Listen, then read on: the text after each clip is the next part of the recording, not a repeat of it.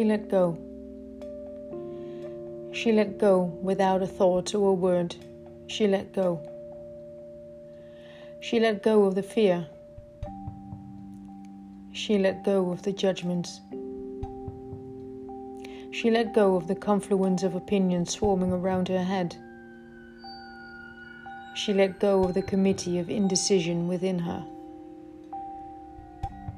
She let go of all the right reasons, wholly and completely, without hesitation or worry. She just let go. She didn't ask anyone for advice.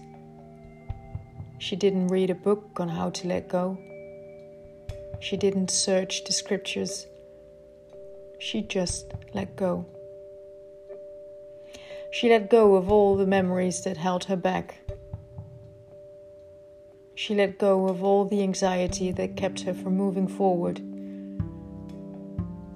She let go of all the planning and all of the calculations about how to do it just right. She didn't promise to let go. She didn't journal about it. She didn't write the projected date in her day timer. She made no public announcement and put no ad in the paper. She didn't check the weather report or read her daily horoscope. She just let go. She didn't analyze whether she should let go. She didn't call her friends to discuss the matter. She didn't do a five step spiritual mind treatment. She didn't call the prayer line. She didn't utter one word she just let go. No one was around when it happened. There was no applause or congratulations. No one thanked her or praised her. No one noticed a thing. Like a leaf falling from a tree, she just let go. There was no effort. There was no struggle.